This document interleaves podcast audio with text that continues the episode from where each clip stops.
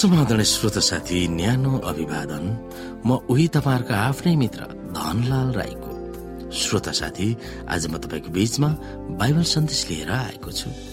आजको बाइबल सन्देशको शीर्षक रहेको छ परमेश्वरमा केन्द्रित जीवन बिताउनु।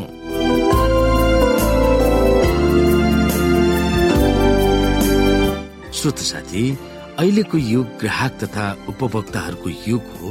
सांसारिक वा लोकप्रिय मूल्य मान्यताको केन्द्रबिन्दु नै स्वार्थ हो। स्वार्थ केन्द्रित निरङ्कुशता र स्वार्थलाई फुलाएर आफूलाई स्वार्थी भावनामा नजरबन्दमा नराखी हाम्रो जीवनको केन्द्रबिन्दु परमेश्वरमा राख्न स्वर्गको आग्रह हो।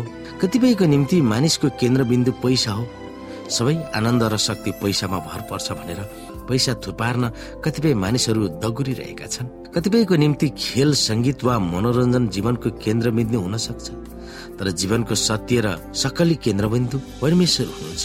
त्यसकारण उहाँको भय मान र उहाँको उपस्थितिको महसुस गर्नु उहाँमाथि श्रद्धा राख्नु र उहाँलाई आदर गर्नु भन्ने जल्दो बल्दो आह्वान प्रकाशको पुस्तकको हो।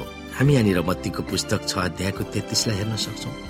हाम्रो जीवनको केन्द्रबिन्दु परमेश्वरलाई बनाउनु पर्छ भनेर हामीलाई ती पदहरूले औल्याउँदछ पहिले उहाँको राज्य र उहाँको धार्मिकताको खोजी गर र यी सबै थोक तिमीहरूका निम्ति थपिनेछन्। श्रोता यदि तिमीहरू ख्रिससँग जी उठाइएका छौ भने माथिका कुराहरूको खोजी गर जहाँ ख्रिस हुनुहुन्छ र परमेश्वरको दाहिने बाहुलीपट्टि बस्नु भएको छ। माथिका कुरामा मन लगाओ पृथ्वीमा भएका कुरामा होइन किनभने तिमीहरू मरेका छौ र तिमीहरूको जीवन परमेश्वरमा ख्रिससँग लुकाइएको छ। ख्रिस जो हाम्रो जीवन हुनुहुन्छ उहाँ प्रकट हुनुहुँदा तिमीहरू पनि उहाँसँगै महिमामा प्रकट हुनेछौ। कलसी तीन अध्यायको एकदेखि चार। र यसकारण यतिका साक्षीहरूको ठुलो बादलले हामीलाई घेरिराखेको हुनाले हर किसिमका बोजा र हामीलाई सजिलैसित अल्झाउने पापलाई पन्छाएर हाम्रा सामुन्ने राखिदिएको दौड धैर्य साथ दौडौँ। हाम्रा विश्वास सुरु गर्नुहुने र पूरा गर्नुहुने यसुलाई हेरौँ जसले उहाँको सामुन्ने राखिदिएका आनन्दको निम्ति अपमानलाई केही जस्तो नठाने। क्रुसको कष्ट भोग्नु भएर परमेश्वरको सिंहासनको दाहिनेपट्टि विराजमान हुनुहुन्छ।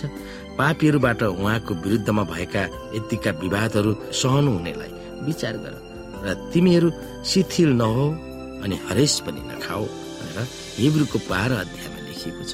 जगतव्यापी अन्तिम द्वन्द्वको मुख्य विषयवस्तु दिमाग र कसको पक्षमा उभिने वा वफादार हुने हो? परमेश्वर चाहनुहुन्छ मानिसहरू उहाँप्रति वफादारी होस् उहाँको प्रभुत्वलाई स्वीकारियोस् र उहाँको चाहनामा समर्पित होस् भनेर।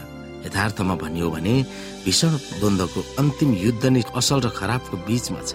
पावलले विश्वासीहरूप्रति आफ्नो अर्थ यसरी व्यक्त गर्दछन् यसो ख्रिसमा भएको मगज वा मानसिक स्थिति तिमीहरूमा पनि होस्। मानव यसुको दिमाग वा मगज प्रत्येक यसु भक्तमा प्रत्यारोपण होस्।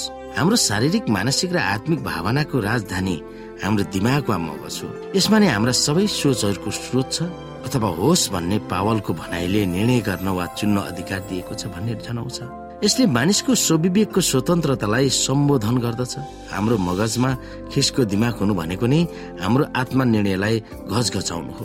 यसुलाई हाम्रो सोच विचारलाई यसरी निर्णय गर्न दिनु पर्दछ कि त्यसमा केवल अनन्त जीवनका थोकहरू मात्र उहाँले भर्न सकुन्। हाम्रा कामहरूले नै हाम्रो सोचको प्रक्रिया कहाँबाट आएको भनेर देखाउँदछ।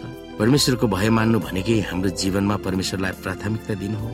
सबै चालमा उहाँलाई नै पहिलो स्थान दिनु हो। तपाईँको दिमागलाई नियन्त्रण गर्न कति सजिलो छ त्यो हामी सोच्न सक्छौँ। विशेष गरेर तपाईँले तपाईँको दिमागलाई कतातिर मोट्न सक्नुहुन्छ। त्यसलाई तपाईँले नै नियन्त्रण गर्न सक्नुहुन्छ। दिमागलाई कुन स्थितिमा राख्ने भनेर हामी सजग हुन्छौँ र यसमा हामी विवेकशील छौँ। तर समस्या यो छ कि यदि हाम्रो दिमागलाई जान जाने ठिक ठाउँमा राखेनौँ वा यस संसारको थोकहरूमा होइन तर स्वर्गको थोकहरूमा दिएनौँ भने हामी पतित र पापी भएकोले स्वभावैले हामी निज थोक वा संसार अर्थात् लोकप्रियतिर मोडाउन सजिलो हुन्छ।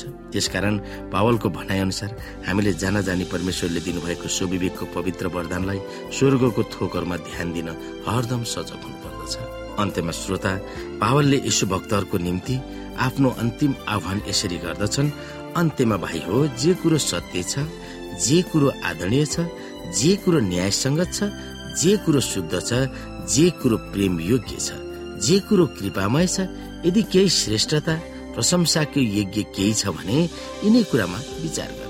तिमीहरूले जुन कुरा मबाट सिक्यौ र ग्रहण गर्यौ र सुन्यौ ममा देख्यौ त्यही गर। र शान्तिका परमेश्वर तिमीहरूसँग हुनुहुनेछ भनेर पावलले फिलिपी चार अध्यायको आठ नौमा भन्दछ। पावलले भनेको अनुसार गर्न हामीले कसरी सिक्नुपर्छ त्यो विषयमा हामी सोच्न सक्दछौँ।